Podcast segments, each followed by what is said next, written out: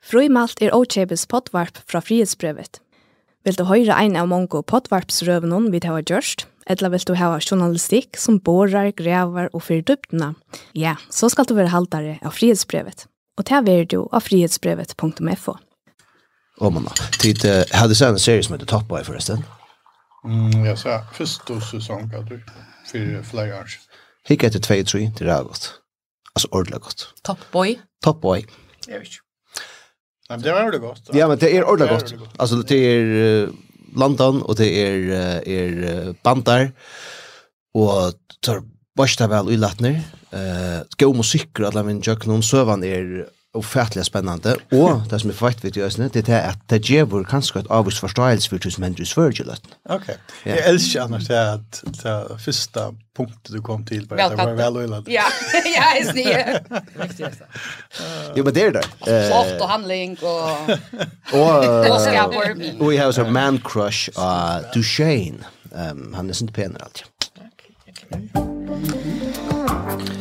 Åh, oh, jeg får jo, hva skal jeg jag vi får spela brott i det men ta vi jag tar vi leipant jag borde inte se fram men det kanske en film under det här eh det här buffanar och tror jag att vi får höra neckbio brott. Hjärtligt välkommen till Frymalt det här pottvarsbetja och som är bästa upptakten till vikskiftet som du överhuvud kanst få. Välkommen Nils Onetan. Tack. Stjörn Notlavision.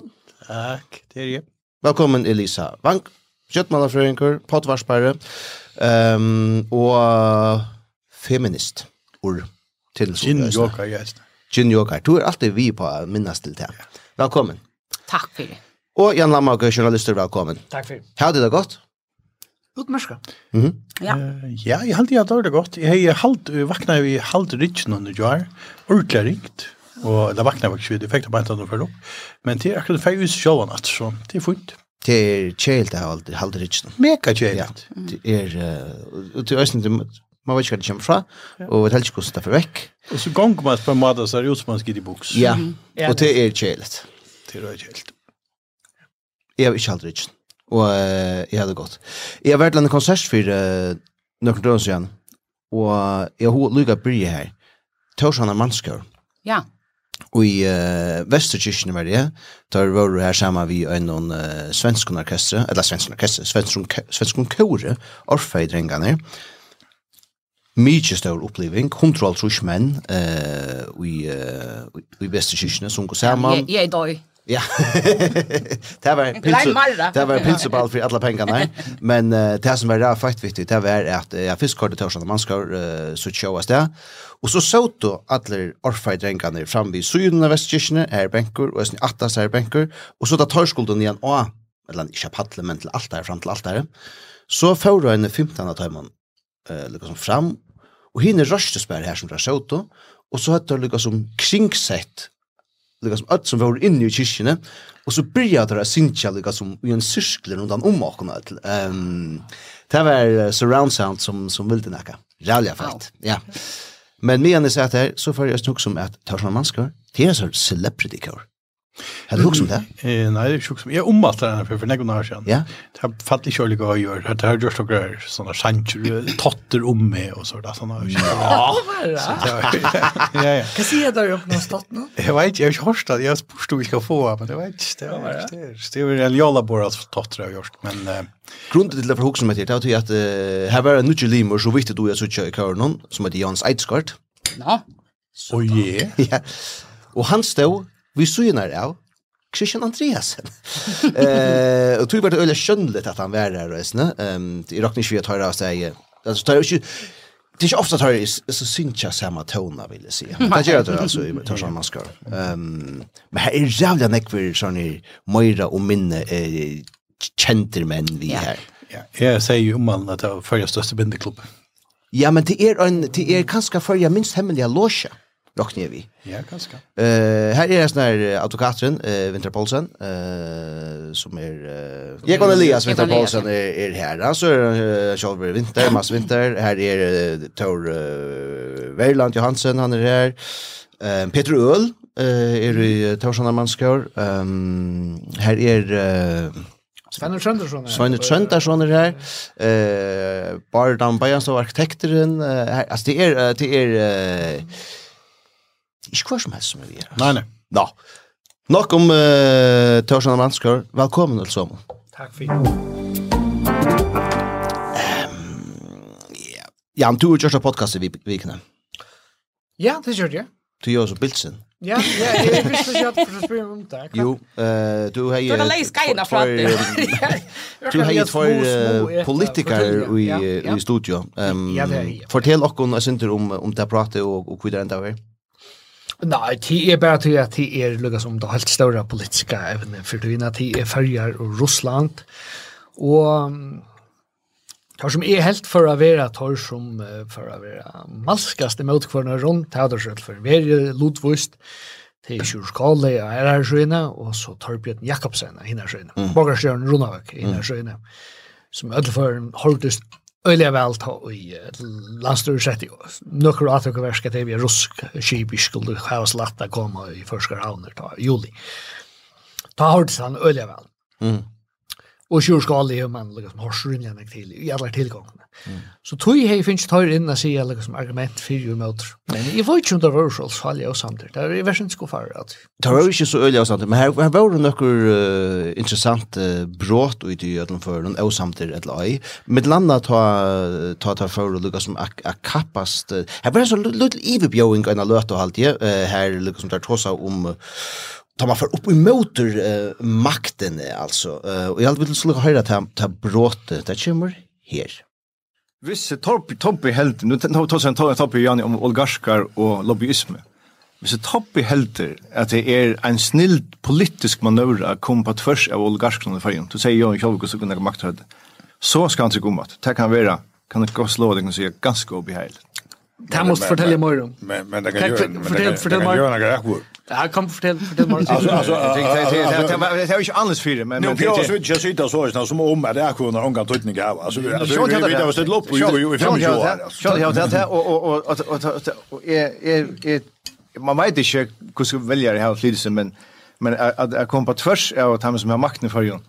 Hvis du heldur at det er veveren inn i systemet, du vil outgrow. Nei, du sier selv at det er som som er under trusch og du gjør det som det gör. För det för visst visst hvis, gänger visst man ganger opp emot det tror Eh så så kan det være noen uppringar som är som er så. Alltså och du finns ju uppringar. Jeg sier ikke noe om Det alltså det kan det kan gott vara att att borgaren också rör Ja, att du tar som att det är för upp mot någon. Jag kan gå för det där att ta kör man där var vid 2008 i Klaxvik. Da ble jeg oppringt av lagreklene og spurte om jeg ville ha mann Sverige og ta i for noen klagsgård og sette sjømaladein. Så mye alvorligt helt lagreklene for undervind. Men himmelen skal säga. Nej, säger nej. Himmelen ska säga att det flyger fishmen som inte måste sagt att det er som du tykker fram vi att att att vi vi diskuterar chava ger och ska hur några grundar hur det pura rätt och men det här sier ikke själva men det är nästan som sagt det är det kan vara att det är så att det var så så det är ju ett och så med pop moon så kan pop då in och allt det där men men hade nog intressant att man nämnt här vi at han fikk bjóa politiverk. Mm -hmm. um, og det er altså i 2008, Forsvaret er nok at uh, at første gjerne skulle bytast, og ideen var at uh, Tørsel Kjeda vi en helt, og det var et tilmeld fra ISIS og Kvarsta Søynon. Um, akkurat det er sin tur uh, 6 og talt, ja. Så jeg, jeg ringte til Toppa, fikk alle til forsøvna, og så tok jeg og klippte den parsen ut, som var den 6. parsen, som er, hvordan, altså, at bjóa for bjóa politivei, altså kusse kusse søren tjekk det der fisk, ikke? Så hentet det at uh, hesten sjømanna der i Klaksvik. Eh om vi så så mot tøyna og det var et navngive Eta det var det skriv sendt ut i Norrløsen, og her vi menn hadde skrivet under, og det ble gjør varst vi at uh, eh man kunde inte stanna inne för tryckten av landstorsmannen om så var att han kom norr till Klaxugar att uh, sätta kömmarna där som det huvud är vanligt. Og jeg minnes det at uh, kvalitet fire, vi med henne satt og skriva i meg disse røvene som jeg skulle halda norr i Klaxug av stången hon det där där etter, nå ringer telefonen og nå er det altså løkreglene som ringer. Og tar jeg til sjående Lissi er det samme som jeg er i Lissi, og jeg er ikke mer så veldig enn hver om det. Nå omgang råkner vi at vi jo alle åpne for en kors av en lørl, men jeg møtte og tøy at dette var en trygt av vant, og tøy malt og tøy til at tøy skuld og mannsverja med ta og i fornår til klaksukar og standard rundt om i her, og stankene mittel av alle utvartlender og så var jeg.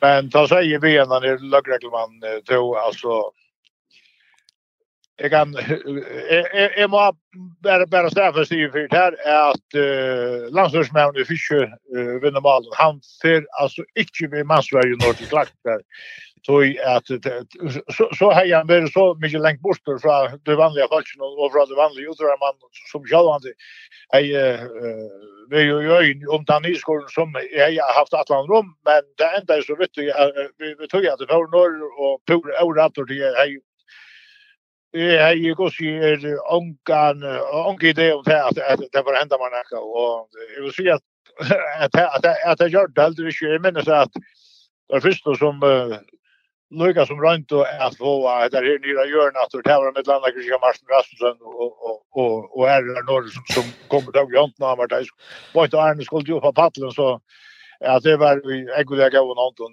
det är ju line att det det är av som en vi en är big som har en av så tecken och och sätta tar se som varje för en som kör fram andra inte bygna så är det ingen annan som alltså så här ett latorre gör kan det så så är det värre där och Och att det var att det var en så sövan som eh uh, Jean de kan ankor hevor kanske och en lattar lattar löt och lagt upp till att uh, man nu skulle färja allt vi det politiska systemet som är klaxuk alltid alltid är i havn och nu är man sitter ju i havn och, och fifflar vi uh, är som fiskedövn som klaxingar vill det mesta av bruk för och och och och och så det som händer men det händer alltså. Mm ikke, og jeg ikke vant av det, og tog bedre, tog bedre kom det ikke uh, fyrir at en agent Torstrum alltså så var det skjer av løyer. där. Men det er ikke kvar inte i at Lökrekland Scholboyen Bjøa, så at jeg vet at folk är värju men tulla ikke mer ut enn det samme? Nei, altså, tar kunna ha tycke til anmelde som kom ui Norrlös här men på en av namn namn nämns jag skriver under så så så blir det ganska lösigt all allvarsamt men eh tog var det ganska rätt av av lagregler är att agera på samma sätt som man gör alltså vi så vi så ju gör en London alltså det är öliga fire politiker som som är uppe i eh han ser svär ni alltså det kommer kommer då här som som som inte har varit ju. Lucka mig kvar där här Och det är ändå det är ändå folkatings politiker i Danmark som som har varit ju. vi har det så Så det skiljer väl att att att man agerar och behandlar maten men jag vill bara jag vill bara inte ha att att förringar ska hålla det att i nejot vi förrjun är var varje ta och då kommer det med nära förrik. Och vånande för det allt det är vara så i snarare förrjun är politikerna går gäng med det vart. Ja. Minns detta episoden? Nej, men inte. Men jag var sånt som mamman kom och sa att Rasmus Paludan tog i hand någon dag emot honom när blå så var han så var han, så var han trycker. Ja, det är ja, alltså men jag minns det väl. Det var ett öjligt uppståndelse alltså. Öjligt uppståndelse. Alltså jag hade ju med mynt när ta i uh, flotten eller så kom till havnar och så vart det ja, han för någon think Marin som hade sjuror och toppet oss om det som snart kom i en utrör bara. Ja, ja til han här. Minst här minst, ikke, ikke det her. Nei. Jo, jo, jeg, jeg minnes akkur nok sånn ek, nok sånn ek tåsa uh, om det, og øysen lykka som kvært mundet nu færre henta. Det ble øysen sendt, sendt på til uh, fyrrøygarna av, av sjåmanna døvnån, altså underskriva av, av halvtrus uh, fyrrøygarna og, og, og røygarna øysen om at, at høyta av tøyr om, altså fyrrøygarna om ikkje at uh, leta Torbjørn Jakobsen sätta sig man det annars. Och men klart och man kan ju stanna in för så. Simpelt ja. Kvart akkurat det man vänjer för att det inte så fysiskt till upp ja. Ja. Kröktarna hud. Ja. Eh hugger mer kört han men men det att du vill vänjer för ja. Eh inte 2008 nej. Ehm men det att du vill vänjer för att och politiet ska som som rymligt är reagerar på att alltså till till vad bara får inte. Det har väl haft en lackman som den ska åt så. Alltså det är ju just man nej. Man ska köra pura nej. Nej nej. Man har haft bombo är sagt det lax för och sort alltså det är ju. Ja, och ja. Ja. Ja, och ja, och du röstar har folk som har valt som att det har varit väljare fonter alltså dock upp vi heima gjerne våpen og er bliven lukka som ja, jeg har våpna i. Ja, ja, vi tatt jo eisne ta i ta i tingsalen var uppe i kringgrafsöteln ta jo en ja mm. han samme som shit. Ja. Eh han runt jo og løp på Det skulle ju alla damma ta eller och kan eller jag sa skor dock. Det är väl og när jag har hört. Ja. Ja, sikt när jag har hört någon. Ta vart eh Karsten Hansen som som var klar og, og Lucas som ut inte så ett privata ischet allmänt Øysen, vel sagt hans. Nå, Kan jag lucka lite? Jag går kom. Lite inpå här. Ant vi toppar No. Men men hade några klaxskinka. Ja. All right. If I'm kaffe. Eh, nej, tror jag att det är ganska snällt att huxa att klaxskinka eller ge kanske inte akkurat här koppar te. Eh, visst man huxar så är det demografiskt, men eh jag undersöker faktiskt ofta. Eh Og det har varit ter stortligaste oppgavene jag har haft. Allra? Alltså undertökan är fantastiskt och latron och det är vi på det och the vibes och orskan och allt. Så här man ser, här är det man, man kroppar till krosson. er du kaj klaxviks-fan? Ja. Du är klaxviks-fan i så måte? Absolut, ja. Ja. Kvar är det några röjer som ligger som tidigt håndna där är inne så. Ja ja ja, nej nej, nej. Nej. Det är platt hur det Ja. Du, hver, hver oppsakket du da? Eh, nej, alltså till Västler, till dömse till Kaska sjukhus, kommunen, du vet, det är 300 folk och du vet, helt fantastiskt stort. Skek? Ja. Ehm Har du hørt om noe til Rosrekka-levene? Ja. ja. Eh, jag hörde ju man att ta i att hon var kommen i gilti egentligen eller mm. tampasna du som är problematisk vi har gjort då. Ja. Det är en problematisk plats igen.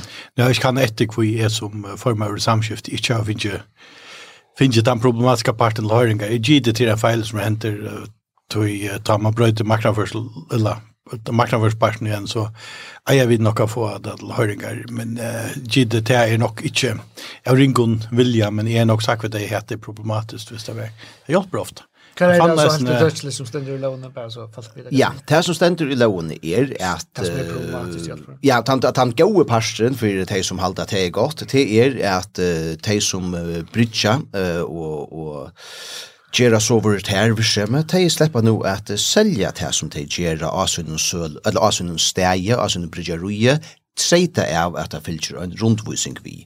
Uh, Daniel Høydal uh, i, uh, i Fair Isles er vært framme og, og, og feknast om etter her, og, og det, det er godt altså, at tjatøymon at hei fra at lukka som Og jeg snur førje Bjørn Klaksvik at jeg slipper fra å bære viskefløsene i romvegen for jeg kunne selge det her, men ikke kunne selge det ikke seg selv. Na? Og det er det samme vi stersk og øl, alt som er sterskere enn 5,8. Slipper det nå å selge visse teg, og i så fall ikke rundt øsene. Men, uh, her er så tannparsten, uh, et eller er så brøyt uh, en parster ui seg her lovene, tog at fyrr ui togene, ehm var det så är at att det ble sagt att det inte var løft att lysa i førskom fjellmiddelen, um, vi rusreka. Og tannloven er eh, tos og gammel, og, og så gjerne ta er bare internettet kom, og Facebook, og alt det her. Så du har lykkes med haft en rikva øren paddelen, jeg kunne lust vi rostrekka och eh, som ikke har vært først fjellmiddelen. Nå sier tannloven at eh, ta øyter, og i først kom fjellmiddelen, under hesun øysne talgilde milar som venda seg til visskifta folk og i fyrjun er ikke løft å løse vi. Altså, til å si at du hever uh, stramma øylet opp.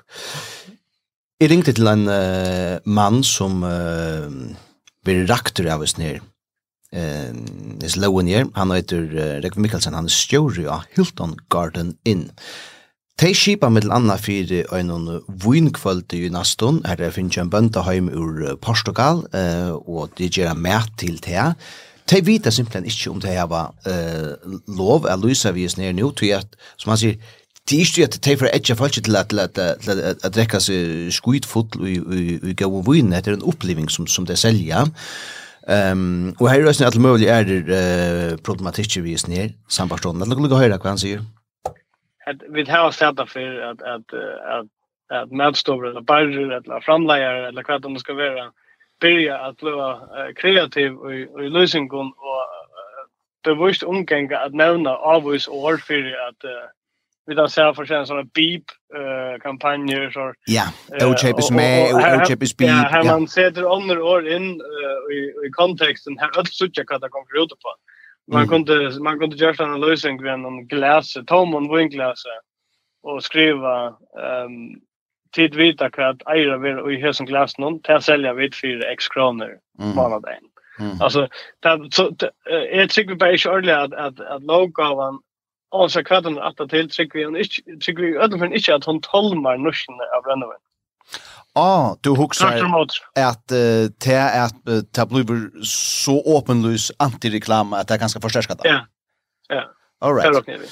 Ehm För att hit kvätt gör hit nu eh och och hur så kreativ Vi har vi är kreativ men men men vi vet inte om vi pratar låna eller inte. Det det är det som eh det det är det som vi lägger som eh är synder i Eva om och vi har sagt att svär och prata och här är det olika tolkningar alltså. Så det som vi drar in där gör att det är ganska lika hitcha ena för att säga det jag någon och ganska inte sätta sätta ehm och jag snälla in till det som har vi sett lagta ut så som vi har fyrrägat av och vi har kan man säga arbete vi går trick kan man säga till logan inte säga något om detta att vi gör det att att ta Mm Mhm. Eh uh, overnight vart det bröst till några andra. Så vi då prova kort här ut som vi hade för jag snä vet om kvar kvar gånger den gränsen och kvar det det är ju tydligt att vi vill ju bråda några då. Eller inte men vi vet ganska enkelt inte om om vi gör det.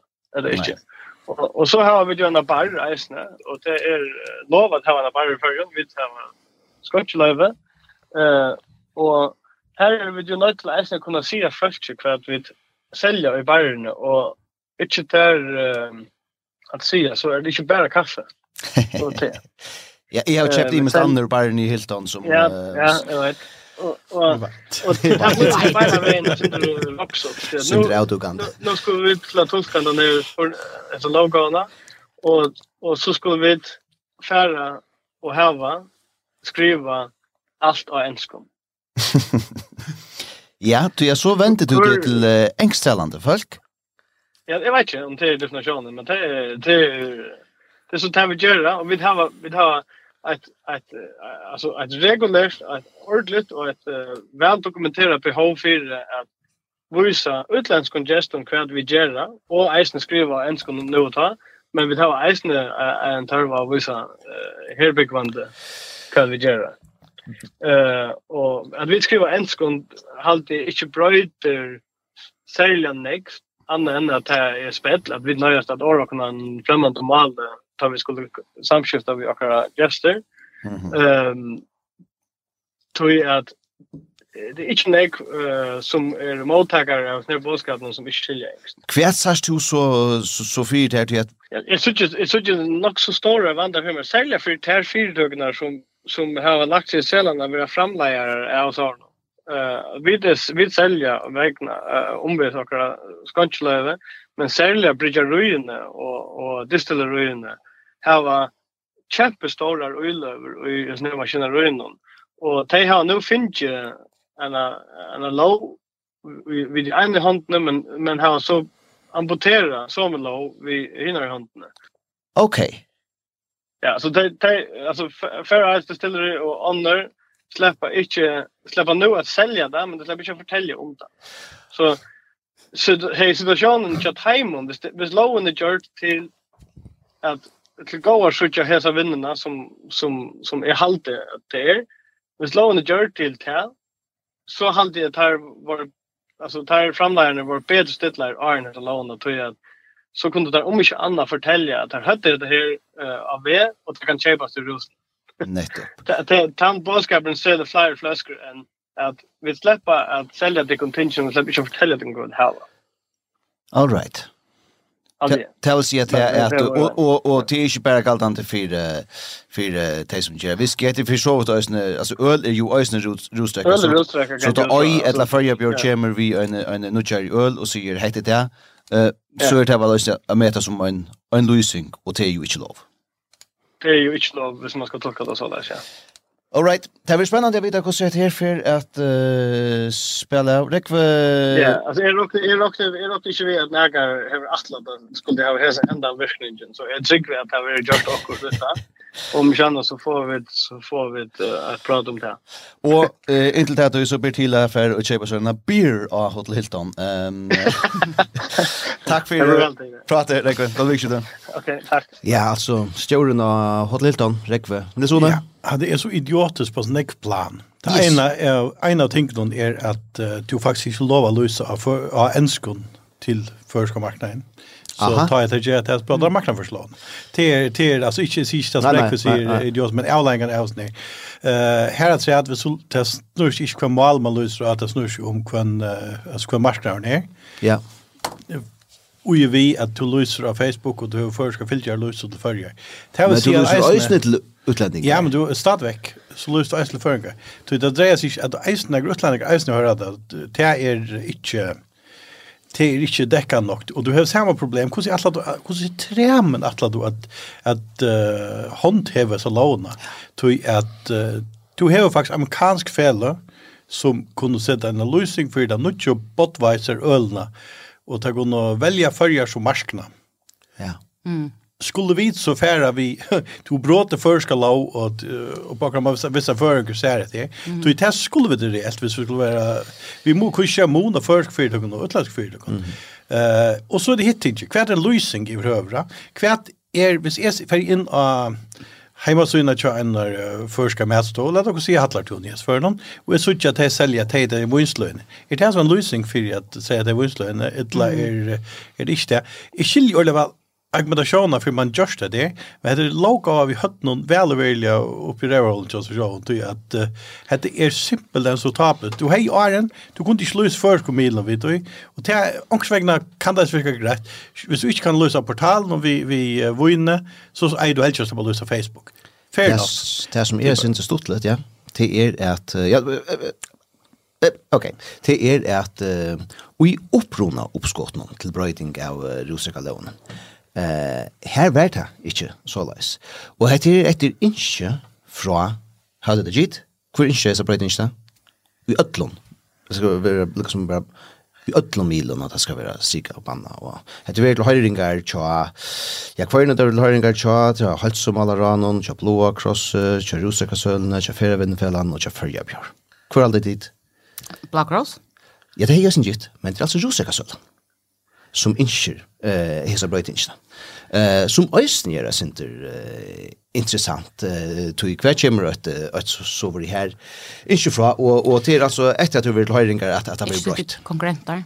Eg må seia at vi vi vil akkurat snær. Te i skilja ta vel. Tu ta viskar øll orat vist at først Milan ikki kunnu få luska inntøkur fyrir fyrir ta og tog en gjøre alt mølt ut via Facebook. Det er akkurat det samme som Skansa gjør det, ta det flottet sinne i høveskontor ur, uh, norra eller hva det var det låa, og mm -hmm. til London. Til London har en nekk min restriktiva lusika låa. Så kunne det senda til dansk marknaden utan at nekk kunne røra der. Det var... Uh... Og det har med landa visst at du nettopp fekk uh, ölreklamer og kvarstasunna, mm. uh, Arjen, Arjen Fobasister, og ja. det er da fyllt vi bettingreklamer og innan Jo, jo, og det er også, til man gjør det ta var man lovde det ut i eisen til førsmilen, og det er egentlig det eneste møvlet vi hava for at uh, for jeg løysa hæsa avbjørnsene. Du kan ikke lovgjøre det på styrelsen, det er loven er full fullkomligt omöjliga att hantera. Mm.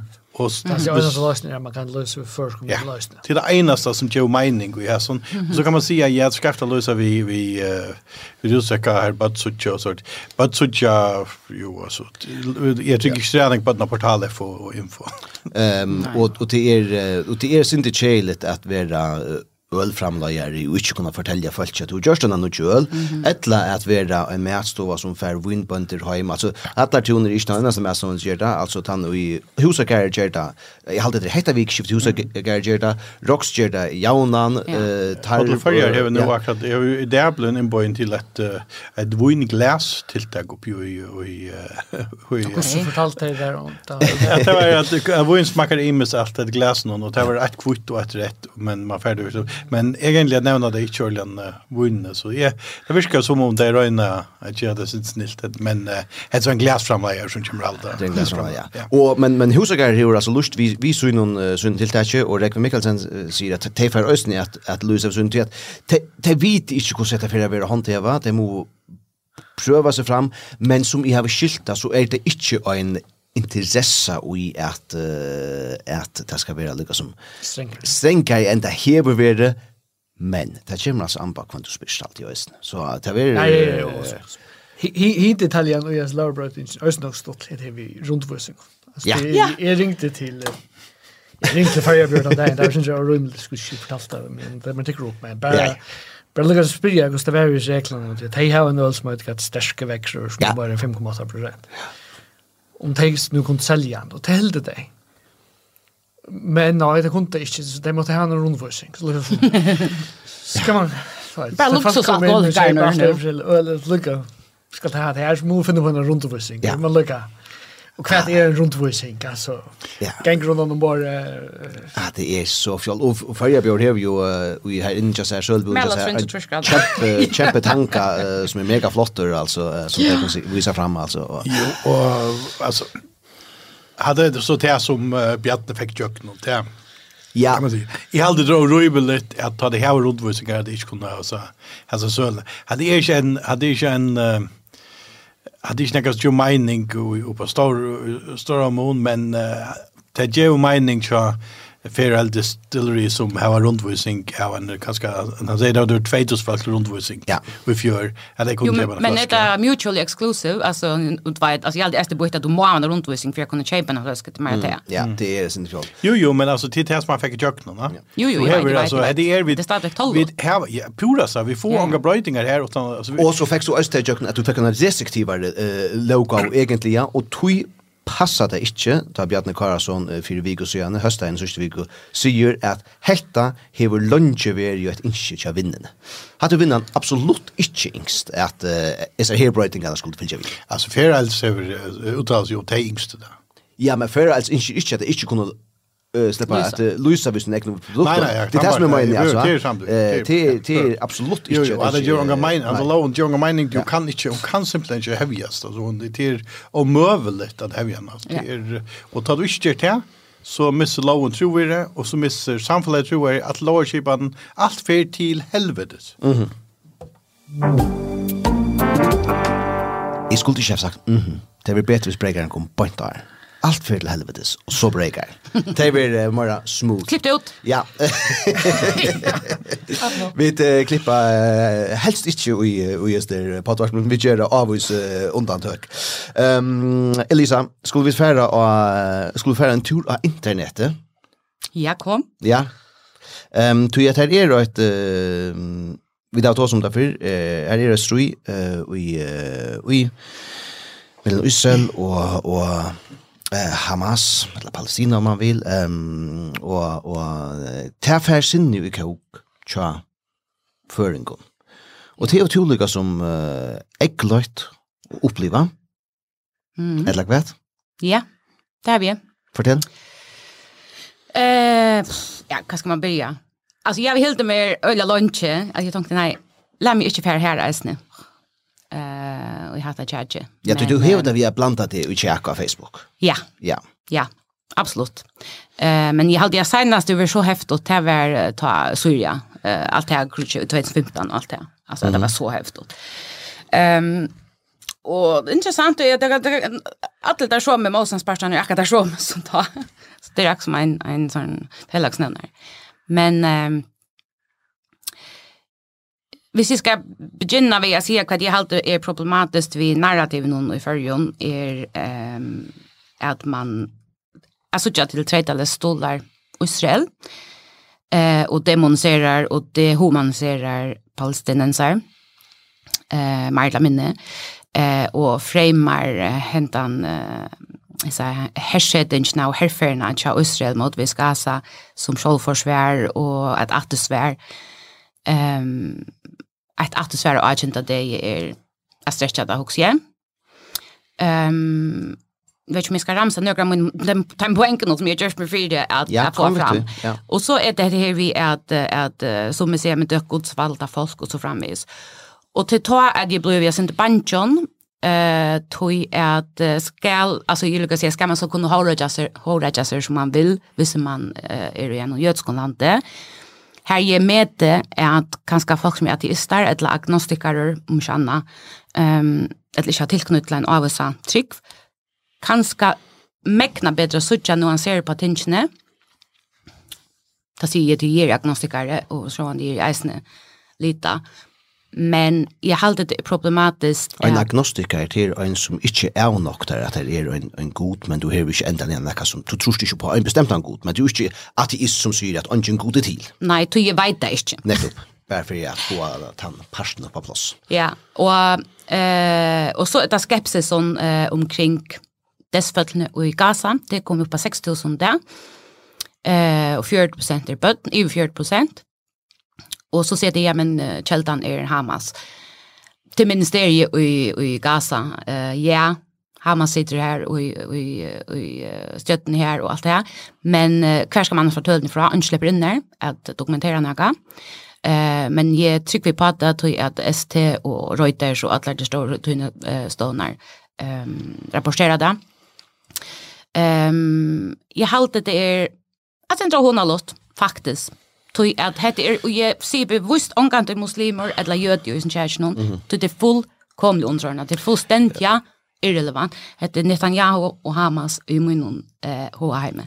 Det, det som er alltid interessant, og jeg snar, uh, uten å skulle være alt for uh, lengt inn i, i uh, tjekje som tjekkas vi om, så alltid at det er uh, minst lykka interessant at for ikke okkurna tås om tan, tan uh, vet inte man skal si at det humaniseringen som er framme, men alt for den trångten till att sätta folk i bås, Alltså att du bekänner kulör och, och yttra til holdningar og, och att til egna vänka ett långt ære stedende, eh, så först du eh, lukt och olukt eh, om man i vet det med landa vera eh, Hamas eh, sympatisör. sympatisör och nu Lucas mer vi inte uppvuxen samman man uh, vi bei men jag håller mig kunna känna att det är så mycket väl att att att se att det är du inte och det är nog det faktiskt i förjun som som är då Hamas sympatisörer alltså och fui hända ner trångten till till det det är som är alltid är så eh så avvärst och just ner i pratan. Mm.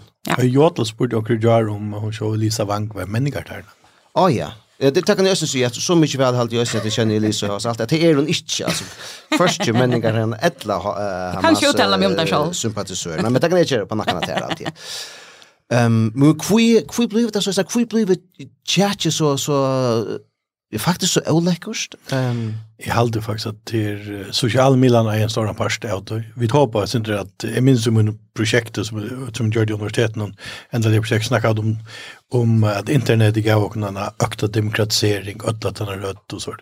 Men i verkligheten om det är det bara att det största revarhåll som ställer frätar och det er lorst och det er alt, mm -hmm. allt allmänna tjärtja och det blir stöj blir så förbi lockt Og det är till så där tragiskt man kan til at uh, man håper at det får bli godt, men det er bare en att svina kan han til. folk snakker ikke så vi kan annan jag kan ju for at folk kommer til evildena gott nu och ser det at du har vært uh, är hamma sympatisør eller noe som helst. nej nej Omgang med nekka for sånn. Det er så forbi lagt støy av internett, og folk gløyma alltid til at man er vervann, man illgrodde hos folk som sitter skuit ved tastatorer, det virker, virker nesten så, men det gjør ikke engang.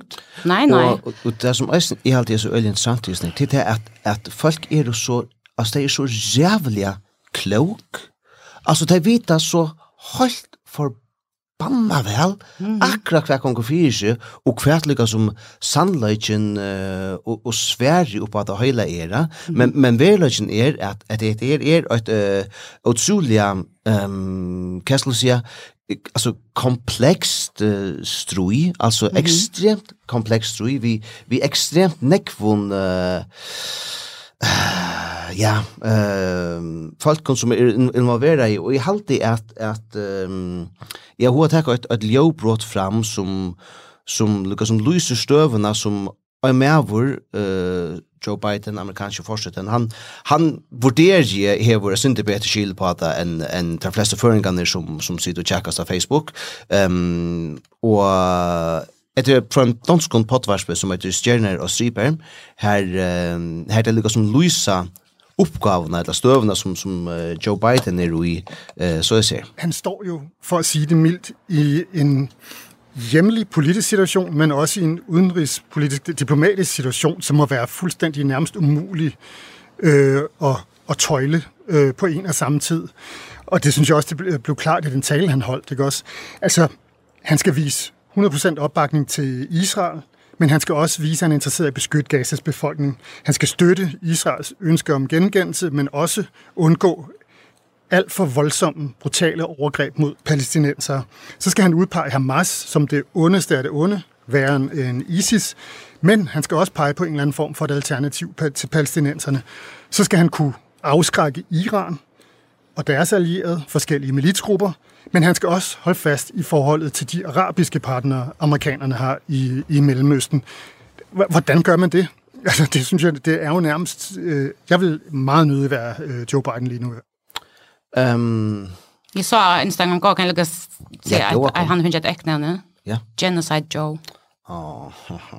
Men eh jo jo men det som är nämligen allt det där snurrar ju om är allt det som han ska ta hänsyn till. Det är en sånn sida som idioter alltså för så knappa på. Det skulle inte ta hänsyn till. Det är fullkomligen det är ju apel för något. Allt det bara Hur så det lukar mig här och jag har inte på spel. Ja, men det mäster inte att att du behövst att säga allt möjligt eh uh, nej och oläckert. Nej, men det gör det. Det blir identiteten som också snackar nice, nej. Alltså det är här man får och för generellt också något sånt likes för för själva sort lost. Ja. Ja, ja, ja. Det blir en massa identiteten som det är. Och vi söker att ösa en en trångt till att sätta sätta folk i bas och det är bara eh privatpersoner som sitter och gör det här uh, alltså en Facebook vänka uh, men det är också uh, milar vi tar till dömes uh, milen uh, som heter rsh.fo som uh, som Ivan Jakobsen folkavox som har en rekur han uh, gör en grön och gör här uh, också underlig grøn er det senter. Og en er mynd av G-festivalen, så just folk genga vi palestinska flatjenon. Og heimasyn til G-festivalen funnet vi hesa myndina. Myndin kan suttjast her, og så er det lantje til det. Og så stender, falskjene av myndene suttja førisk ut, men det sier sjøvan til å antje omma. Og at det er så fjollot. At det er så tøyel, og det er Polstetter. Det er Herbert Polstetter som stender her, sammen vi Øyne Vinkone som er mine øyne nok så Vision og i Unga Tjau alt i alt. Jeg er Gunnhild person. Og lortet etter en den Uh, konsert för en palsnäsk och en artist. Precis. Alltså eh Alltså när men de kom bara och så också jag lär mig bara köra och där hemma så inne. Ja, men ja, men alltså det var och och kvisia falschen jag mynden så alltså hade så fjollot alltså visst du vilt och vi är sån bekännso kulör. Si si kvart det är du vilt vi att vi är snär istället för att illgit alltså är. Jo jo, men akkurat det här flöt allt upp till hans alltså vi snackar om identitet jag falschen. Han har gjort en en karriär på sig att insinuera äldre än att säga. Det är här är och skila mannen det är det så att länka. Det kan se bant ut. Men uh, är man ser att hin stora privatmilen som inte är fujar av någon stoliga några släg från några allmännen. Rast 2. Mm -hmm. Här var det faktiskt manadagen i en och en annan timme samröva med landa vänt och gasa problematiken. Ah, ja? Ja. Eo Sum Jansson Hansen som uh, var värstor då så om um, det vi hade ett öliga nyanserat prat. All right. Eh uh, och ta var en röstajs ut. Ta kan man uh, vånant till höra av näten någon. Hur så ett sentingen? Nej, digesteren. Godt navn. Ja, Ja. Eh, så är det är intressant. Alltså det är ju inte pura osant, men onkel som jag checkas vi, alltså onkel hur så vi så att sig komma när spela mot i, i på helt än. Åh ja. Helt än i plenum. Ja, ja. Ehm och Tei, och så säger jag men alltså självan det står hemma sympatisör du abonnerar och på vänstra hatla packan. Jag sa oj Jesus inte jag fortell fortell du vet. Nej nej pro LGBT och ekstrem jora welfare og oh. free Palestine og tvæta. Er jo ikke helt off. Du säger men men du kan inte köra med den parken. Du så du till åker ju överst alltså han är ju anti Palestine. Eh så abonnera du på Jora Punsle. Du vet. Anti LGBT och så framis och så framis. Eh och det var alltså skämt då men det apropå det vi har kallat folk i kassar. Mm. Och så bara visst den där lustar efter snär som som som checkas om detta. Eh please halt eja bolten hon tog att ge personliga och något annat halt jag missa eller jag halt vi mestingar missa eller blir oseriösa tar man för efter personen. Ja. Eh, uh, jag lägger mig till att du ösne ehm um, vi mest til å en noen trai, jeg vet ikke noen trai, Jens Arena, her tog faktisk helt at, at, at den ene vimmersingen som du fikk var, var nok så fin, men så kom Lucas så eh, personlig vimmersing eh, øysene. Det er akkurat som ta må lykka vi. Ta må vi, og ta Lucas som er vi til at Lucas som punkterer ser annars eh, fine vimmersingene, mm -hmm. sier to, og så svarer vi kommande atter at han helt annars at det var öliga väl sloppy att olika som inte fick mer roman i vet jag av personligen brixlig alltså ehm Kvoi är det relevant vad du helt om mig och i mån till krutje mig Ja. Ja. Ja. Ta kunde vi så lika hooks om mig en breaker ja. Jag mer att ja. Klipp arbete. Jag mer att av klipp arbete jag ja. Nå. Ehm i vikene har vi her av frihetsbrevet lagt en grøn ut som er en, uh, kan man si, en saman untøka av tog kritikken som har vært av uh, føreska fotballslandslinjen her uh, Chamonnen, her Håkan Eriksson er uh, venjar. Kritikken uh, var uh, først og fremst å høre i uh, opptaktene til uh, den distin som var i møter Tjekkia, Ehm för det tappte mot Poland det så är ju pent ut. Sönder Vatnhammar, eh Jakob Borg och Oddbjørn Johansen tåsa om tantisten och tar vår eh Øyrinda läser ju sin kritik och Det var så endur tidsi atur i uh, sendingen fotballsprat som var uh, manade. Han døyliga sendingen fotballsprat skal jeg helst sige. Fin sending. Um, og her tar Lukas Tåsson det samme. Endur tåk og kritikken. Mm. Og hva så? Så hever FM8 en, en æra fotballsending. Det er han ekvar fotballsending er til. Tørra fotballsending øyter uh, fotballskuil.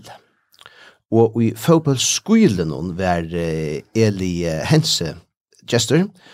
Og Eli Hense er hjelpavennjere og uh, hva Eh, landslin. Ja, landslin. Ja. Måste jag ta tur skansa Skansamannen nu. Nu har vi varit rattelig landje vi har här som paddelen nå. Jeg skal ikke nok da for at er kjedde vi kvørst. Eh, men ikke mine egna vegna. Etla venjarana vegna. Etla, etla det som det som det snur sig om. Men er sinter vi kvart er sinter uh, cheddar fotbollsins vegna. Det sørste 2015 åren er vi ferna prata negg om fotboll. Negg meir enn man gjør det i åren. Åren vet jeg Jeg var nærke Magnarki og Tær som søtte fra fotbollet, der høyde ångan vimerskjara. Man vidgjør det ikke fotboll. Det har man gjort det negv og sørste årene, Tei som vidger av fotboll nu, eller teir, tog det er alltid, eller alt alltid bara menn.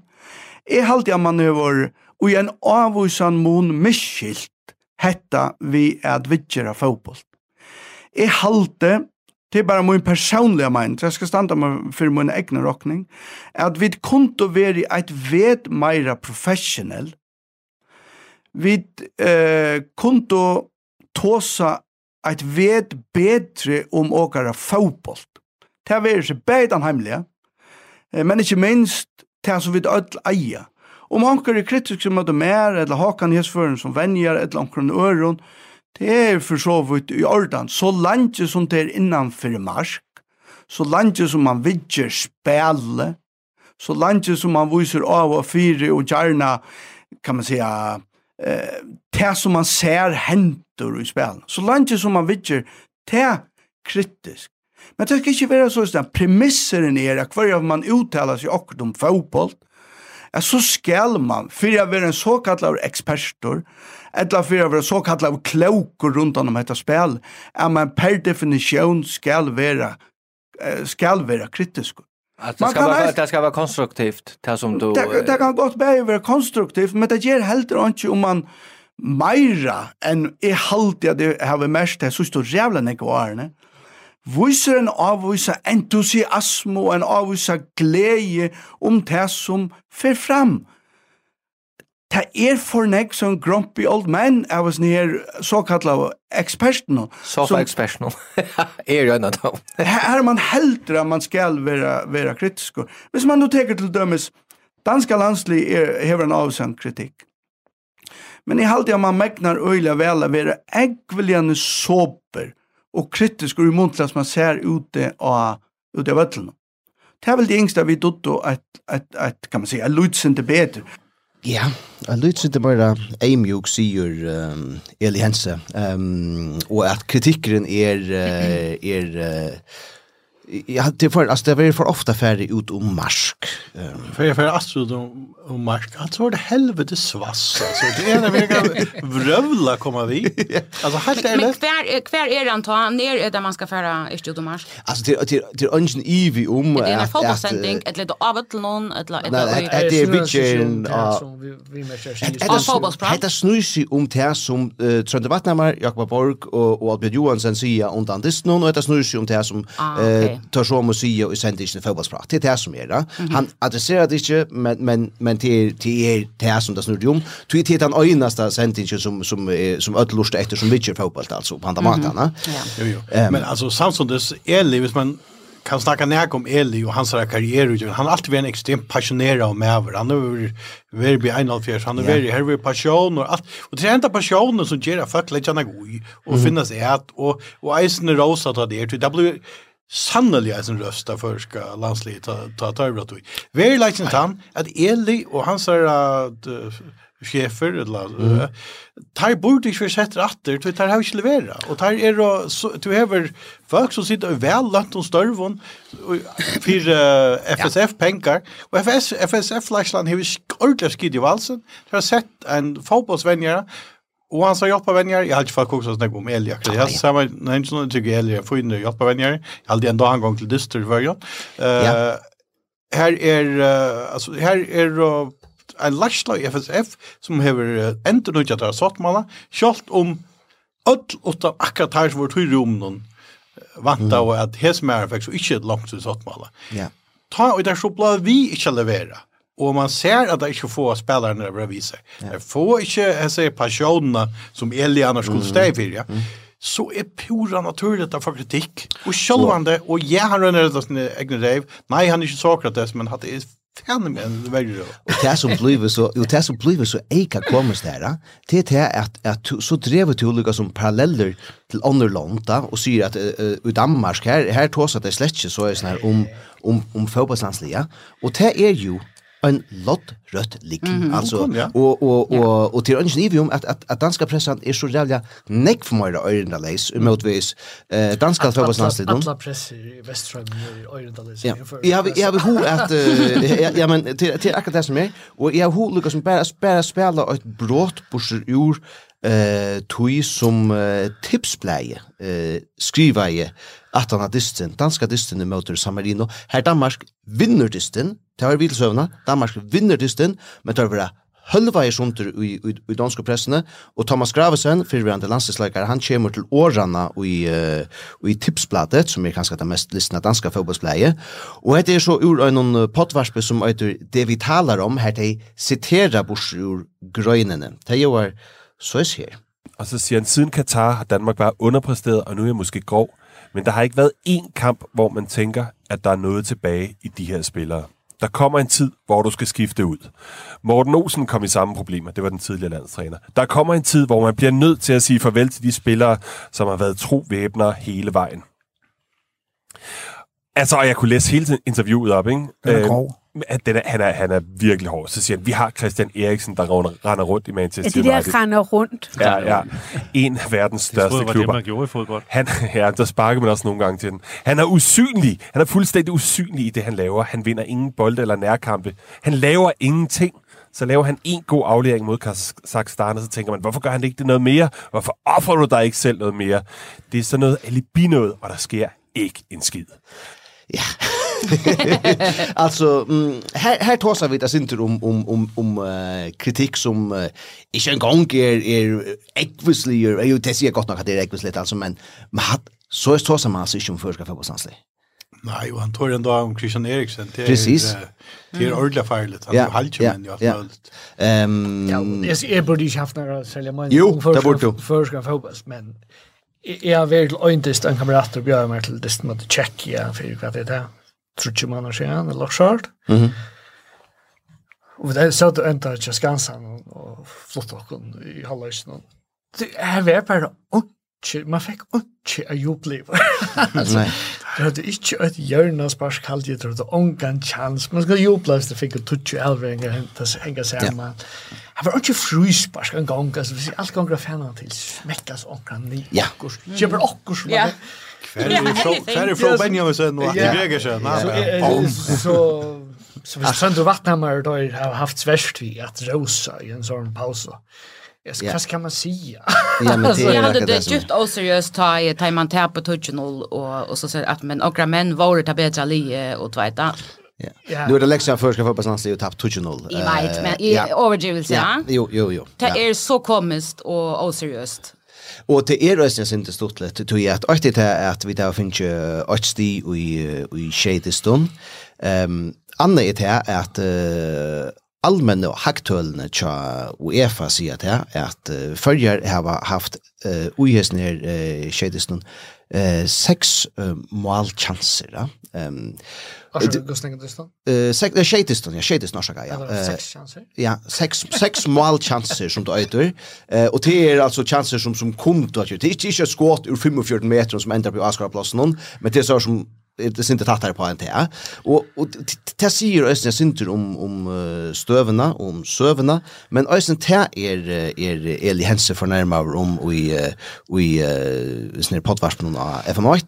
Så han säger att här ska man här mamma vara i eller och och och och och det är alltså talar om om 20 chanser. Okej, okay, så skulle vi för anfäkta att hacktunneln kör UEFA mitt i ötlen alltså. Det är det som inte ehm och och landslaget det är et ofravisel faktum til til vår tvær for for finje null sti og tvær for for finje eh åt sti altså det er talan om uh, visse ikke jeg uh, skjemmer sørstadisten uh, utvettelen mot Albania, så talan om et, et søvelig eh, vanalt omfær. Ja, og i halvtid jeg tar man er, man er parter av tøymen under landslige. Og tøymen er altså fyrstan, fyrstan menn er fast knyttet av tøymen, før skal man Ja, man er parter av tøy, og færsina løn herfra, og man veit at årsøkjen til at man er der til E4, at førska tjåen skal feknast om her, og menna førska alt. og så suttja vi såret, sånn skræpa av ætlen, og så skal man sita pura sittler, og halda gag, og gleda som om man er fri langs i sattmala, det var det. All right. Er du alltid, liksom? Jeg pleier, tar jeg kan, det er ikke alltid kan. Men uh, hvis jeg kan, så er jeg. Kan man si, ja. Men altså, jeg, jeg, altså, jeg må si at de, de det jeg vil, jag. Det blir jo øyne och saunar över Skansan enn det väg. Tog jeg at vi er nok færre, og det blir bare færre og færre. Og... Til øyne en årsök till det. Det er en til. ja. Jeg er helt løgn hånd. Janne nok ikke en som stendra godt enn det. Nei, men til er en avskyld til det, og til at Ørslitten er vanlig, og Og det er uh, avrige i mengan mun eisen. Uh, det er det er det jeg ser. Uh. Jo, jo, men til akkurat hatta som er, til, til er, jeg vant ikke det for Skansan og følger spilleren dist mot uh, onkel Storli, eller onkel Minne Storli, eller bare onkel Østeuropeisk Lige, som du vet, vil du sa finnes jo noen av de hårte navn i landet nå. For jeg vant ikke alltid å følge vinner. Men jeg vant jeg mennene for inn, jeg vant jeg mennene djeva seg, jeg vant jeg der leverer akkurat og en passion til det Mm. Mm. Videre passion av Asgårdplassen, vi krevja ikke så rævende, vi krevja ikke at det kommer hundra malkjanser, men vi krever at det vise at han mener til og det vilje til. Og hvis du som landslivsvenjer, eller hjelpervenjer, ikke kan levere til, så halte du bort for å gjøre det. Hvordan snakker du venjer i skilten i sånn? är det inte bara spelaren som är för. Nej, men det är allt Ja, men men men det här det blir intressant. Ja, men det här det blir intressant ut som som tar tas av om vi så sent ingenjör det är att det som jag kan själv nåls adressera som ett disconnect av förska fotbollslandslagen. Och ett disconnect mesture är ner för ner är att vänjer att ha i inte röcker till hopen vi så någon boskap. Det tror inte kör du jöknarna så här här blir en osammanhänger som man nästan säger och och och det är lika som det är inte gott tecken och och är sig slett inte till här vid det då men men det den yttersta konsekvensen att det efter outline att vi kan vara det här att att vänja att med missar mm. eh och det är en en det är katastrofalt. Är sig inte till här vid det då men det kan komma men alltså Ångsvegna, du kan skifta alla lägarna ut, eller du kan skifta han som sida om vad du skulle göra. Det är det, är det stått att länka. Det var en söva om en, en santing som var vänjar i Bjärnafjörs, det var inte Eli, men en annan har vänjar i Bjärnafjörs. Och alla lägarna har skrivit brev till, till nämnden och sagt att det vill dra han från. Han blev så inkallad av fond. Och Og her var, her var kan vite at uh, nei gauen vidt, vidt, uh, de stod videre og nøkte vidt i Uslitten i gau, men, men alle leikerne har sagt at uh, det vil jeg ut. Sverige John var, Ikke problem, jeg kan være nødt til å men, men det er og det er som, uh, som uh, Thomas Gravesen uh, sier vi, vi tipsplatet som det er snart Janne at der kommer en tid hvor du skal skifte ut, Morsen Olsen kom i samme problemer han var trener. Det kommer en tid hvor man blir nødt til å si farvel til de spillere som har vært trådvepnere hele veien igjennom. Uh, og, og, og så sier han at som, som altså, klubbvenjer, så, så kjøper du oss helt og spiller, og, og det kan man ikke gjøre sammen med landslinjen, men mm -hmm. vi kvart skal man uh, ruska på sånn, og det valgte FSF ikke gjøre, og det velger Håkan Eriksson helt ikke gjøre, vet du, som han hever. Og uh, liksom, hvis du bevier gjøre det samme, ja, men så først det samme. Ja. All right, tid. Vikskifte, narskast. Hva bjør det? Vi bare færre nye, Martin. Ja, vi færre nye. Uh, ja, og hva er det. Um, er det noe spennende for sammen til dere? Jeg har faktisk uh, bøylagt bare uh, krabber fra sjåkate. Ja. Ja. Alltså er man kan få leverera i havn. Oh. Det er så förbi går. Ja. Jag har glömt till för jag kväll det för jag sidan eller till att han sonen som är flottar ut han kommer hjemme att äta så för att det gott och kul då. Annars att lämna mer ner att chatta vi vi skrell fler det. Det är det mest det det bästa. Man möts sånne kveld kör upp alt er helt. Ja, det min man som som säger han är också han är också samförd som att här norr vi Norskala. Ehm och at det är sunt här til ruskplats som är av Norskala. Hin men stevna. Ja, det er nämligen gott rostplastarna. Hvis du først her en leier det, det er du tar så med mennene som, ja. du, som, du, som du møter der. Ja, du er nok jeg vet akkurat hva du snakker om. og, og så blir man kjørt, hadde jeg teori om at, at tar kunde godt kors høyla lorste vekk og sen, eller så er det og så kunne det være lukka som ena per kvartala, men tar liksom som drussa det ivo, lukka som så der slipper. Det er anta skolen. Ja, ja, så der lukka som færre vi via syndra og skrelle, ja. Så kunde det, ja. Ja. Ja, men en løtt av russposten, hun er ikke for små. Elisa, forstår hva er rusk, eller hva Kanska rusk, jeg vet en madrass som hever go to Veskoman tja kvøttene kommer. Oh, det er klamt. Det er jævla klamt. Ja, han har skapat kvar vekk. Ja, ja. Ja, oh, ja, ja. ja. jag tror det var spyrer då. Vad ska jag göra? Ja, vad ska jag göra? Alltså, jag har som senast i världen, jag skulle ta konta korgårds, men inte? Ja, nämligen. Det är tydligvis inte lika väl. Nej. Nu är han le och nu hålls där och jag vet, åh. Men, men faktiskt rönjer jag slår mangar om min vikskifter nu, Arne Jolnen, tog ta färra åt vikskiftene ta för att hej upp i hatt och briller om som man säger. Hatt och briller och ja och jolla folk där personligen och allt det där förskälja så ger rön faktiskt ordla aktivt inte göra något. Elisa Wank, eh, Nils Onedam och Jan Lamakes. Jag vet inte vad det är färra. Jag är för eh, till Danmark att uh, vi tja mina understå. Och så får jag ösne i uh, halvfjärs av föringar där tja måste mina. Hon är bjöda till brunch, så där får jag. Och så har vi eh, eh, planer om affär være ujus. Jeg etter av Lee's Kitchen som det heter eh och kanske konkurrera sen just nu. Ehm så tar vi väl lika som det som vikskiftet kommer här för till. Nice. Ja, jag hör vi svärch till. That's not sort of den. Ja.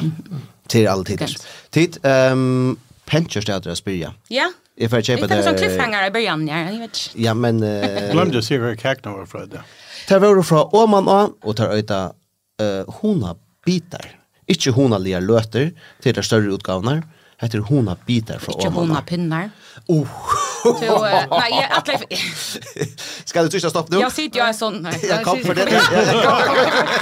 jeg sitter jo en sånn alla sentens, ja, at det ja. smakar av medalja vel. Jeg er ikke sånn kakepersoner, som ja, det ser ut som. Men, ja, det att det smakar vissla vissla ja. Ja, men uh, jag hållt själv och tog ju för köpt om att jag har provat att det planerar sig köpa imist, men uh, hona Peter och i Omana uh, vill man ha att det syns större så ett hona ler löter. Eh uh, ja. Och är man på A så är det hona pinnar eller som man har något annat. Nå, eh gott viktigt till Samuel. Gott viktigt.